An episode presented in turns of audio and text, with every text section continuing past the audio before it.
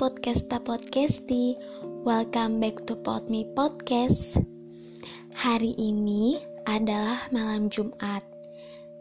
Nah, biasanya kita sering dengar atau nonton film horor kan?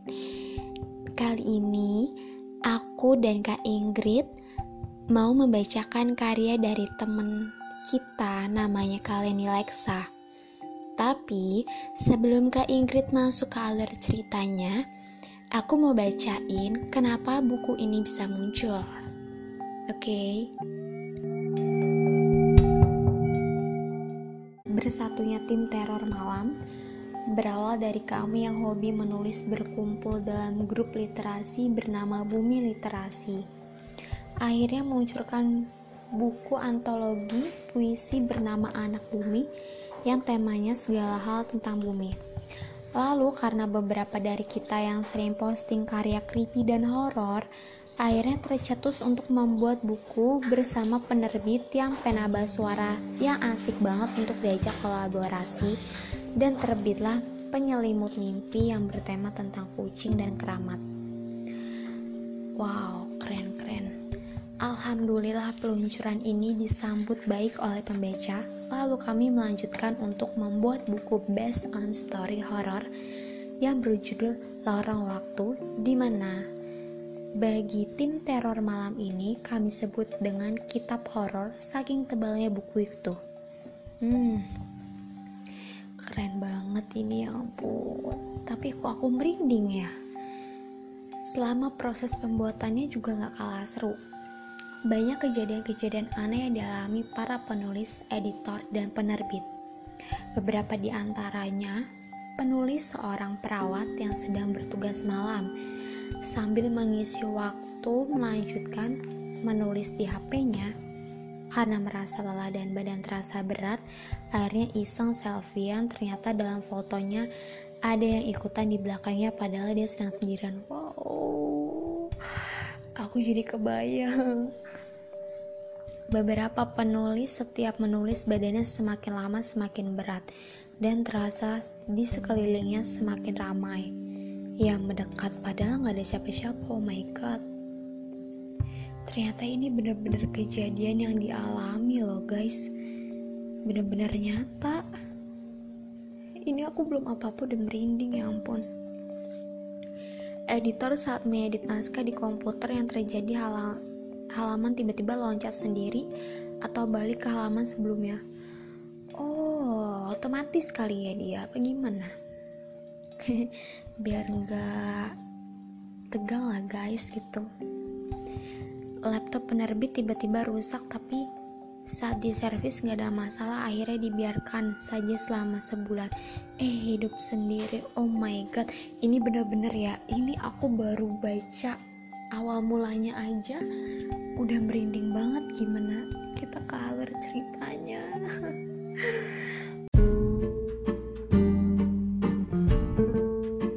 Kak Ingrid akan bacakan alur ceritanya seperti apa. Ayo monggo Kak Ingrid. Lirikan Malam karya Leni Leksa dibacakan oleh Ingrid Sugesti Wahai Dewa Cinta, berikanlah kekuatan kepadaku untuk terus memperjuangkan cinta, agar bisa kurai mimpi bersama bidadari yang kini terkungkung dalam tembok besar istananya.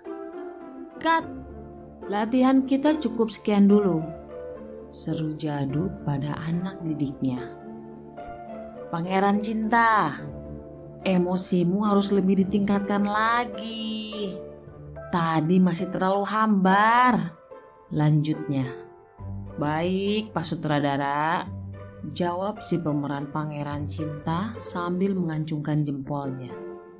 Di sisi lain, Gandari sedang melatih dansa si pemeran utama putri. Dengan anggunnya, Gandari mengajarkan mulai dari cara berjalan laksana putri kerajaan tersohor satu, dua, tiga, step, satu, dua, tiga, berputar. Ucap Gandari. Bagus. Putri, langkahmu semakin anggun. Tetap angkat wajah dan jangan lupakan senyum cantikmu. Lanjutnya, sambil terus memberikan pengarahan. Tak lama, Jaduk memberi isyarat kepada Gandari dan sahabatnya Dian yang juga sedang melatih menari untuk menyudahi latihan seraya menunjukkan jam di tangan kanannya. Anggukan Gandari mewakili jawabannya. Memang, saat itu waktu sudah menunjukkan pukul 21 waktu Indonesia Barat. Sedangkan para pelatih masih harus melanjutkan rapat persiapan pentas yang seminggu lagi akan digelar di Gedung Kesenian Bulungan daerah Jakarta Selatan. Selesai rapat, baru disadari waktu sudah menunjukkan pukul 24 waktu Indonesia Barat. Tempat latihan sekolah SLB di bilangan Tebet Barat memakan waktu 2 hingga 3 jam menuju tempat tinggal Gandari dan Dian. Mereka berdua memang searah karena sama-sama tinggal di daerah Tangerang. Gandari dan Dian berteman sejak kuliah pada kampus yang sama di bilangan Jakarta Pusat. Selain arah rumah yang searah, juga merupakan anak tunggal di masing-masing keluarga mereka. Anehnya, sering merasakan perasaan yang sama, seolah bisa saling bertelepati, sehingga semakin merekatkan tali pertemanan. Sebelum pulang, Gandari mengajak Dian menemaninya ke toilet di balik panggung pertunjukan sekolah tersebut. Karena kondisi cahaya lampu yang remang-remang, Gandari merasa kurang nyaman berjalan sendiri ke sana. Dian mengerti kalau sahabatnya memang sedikit menakut karena bisa melihat makhluk yang tak kasat mata sehingga dia ikut menemani. Cahaya lampu yang terang di dalam toilet cukup melegakan hati Gandari.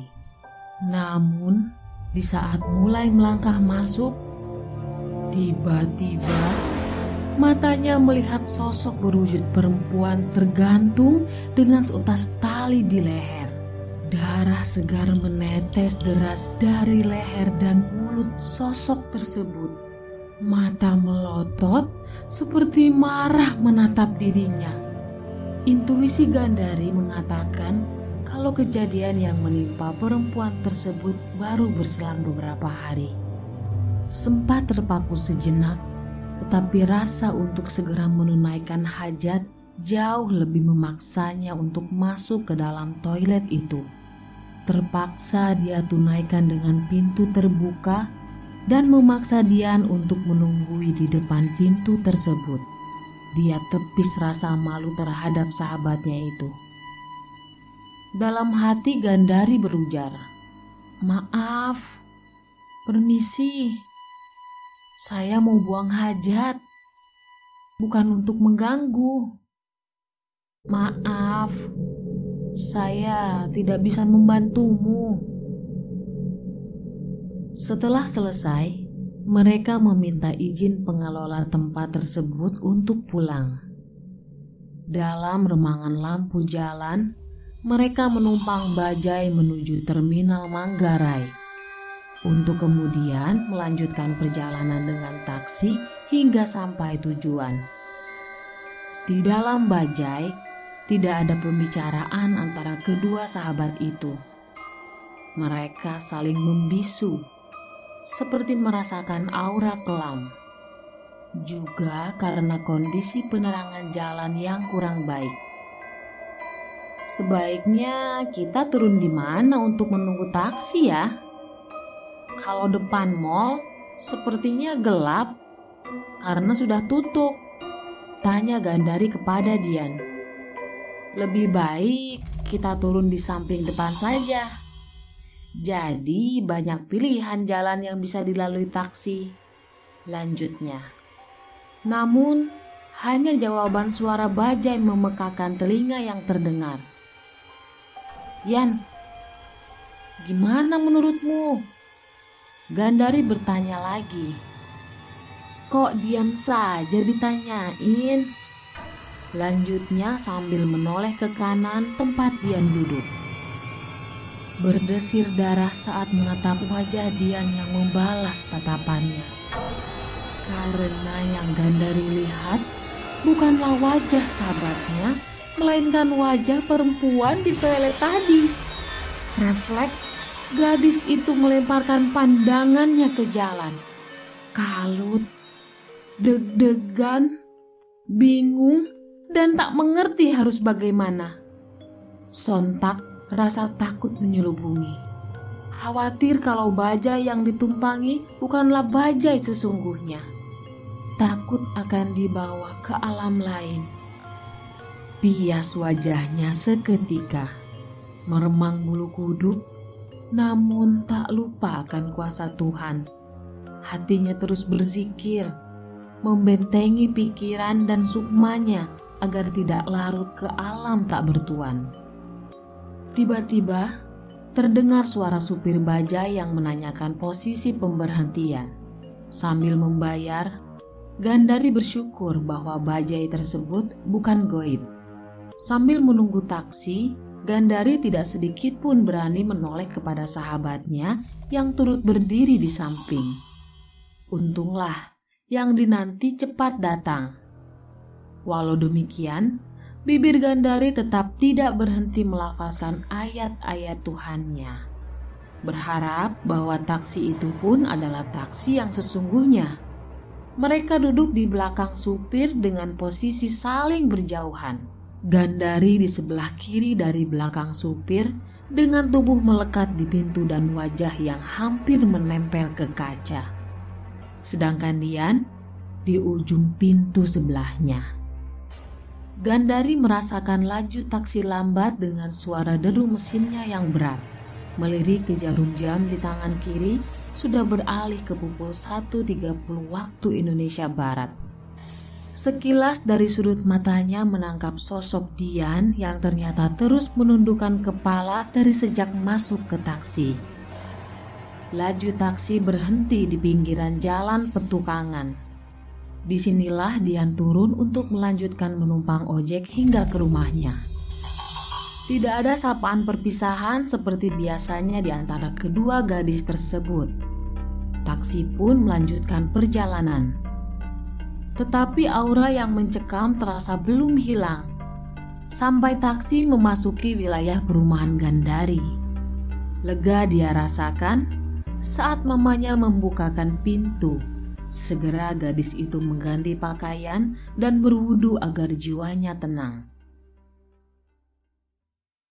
Ufuk menggeliat bersama sahutan ayam peliharaan sang mama. Penat tubuh sirna oleh siraman air dan harumnya sabun mandi.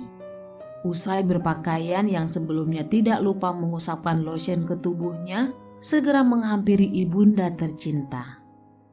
Aroma nasi goreng favoritnya telah bertengger manis di meja makan. Duet dengan kerupuk Palembang sangat menggugah selera makan. Setelah kenyang dan dari teringat kejadian semalam, segera dia menelpon Dian sahabatnya. Dak dik duk perasaan menanti suara di seberang sana. Halo, terdengar suara Dian menyapa. Hayan, apa kabarmu? Nyenyakah tidur semalam? Bagaimana perasaanmu sekarang? Tanya Gandari secara beruntun. Baik. Nyenyak? So far so good. Jawab Dian. Tumben begitu? Lanjutnya. Besok di kampus aku akan ceritakan. Tegas Gandari keramaian kampus di Fakultas Psikologi. Terlihat Dian resah menanti Gandari yang belum tampak dari pagi. Hari ini mereka memang berbeda kelas, sehingga Dian harus menunggu di kantin. Selang beberapa menit, Gandari tergopoh-gopoh melangkah. Kebiasaannya yang selalu ingin cepat sampai tujuan. Baru saja tubuh Gandari tersandar di bangku, Dian tak sabar langsung memberondongkan pertanyaan akan cerita yang dijanjikan sahabatnya. Dengan sedikit terengah-engah, Gandari menceritakan kejadian malam itu. Dian mendengarkan sambil tercenung. Dian merunut kejadian usai rapat malam itu. Dengan susah payah mencoba mengingat, tetapi sia-sia. Dia hanya ingat setelah masuk ke bajai. Badannya terasa berat dan mata mengantuk. Bahkan saat duduk di ojek yang menuju ke rumahnya pun, seolah sedang memikul beban berat hingga dia terjaga di pagi hari. Rasa letih yang amat sangat mendera, ditambah sakit di kepala yang awalnya dia sangka karena masuk angin, kini terjawab sudah. Mengapa badannya terasa remuk dan tidak nyaman? Ternyata di malam itu, dia tidak hanya membawa dirinya sendiri, tetapi ditunggangi oleh makhluk astral yang terlihat oleh Gandari, sang sahabat.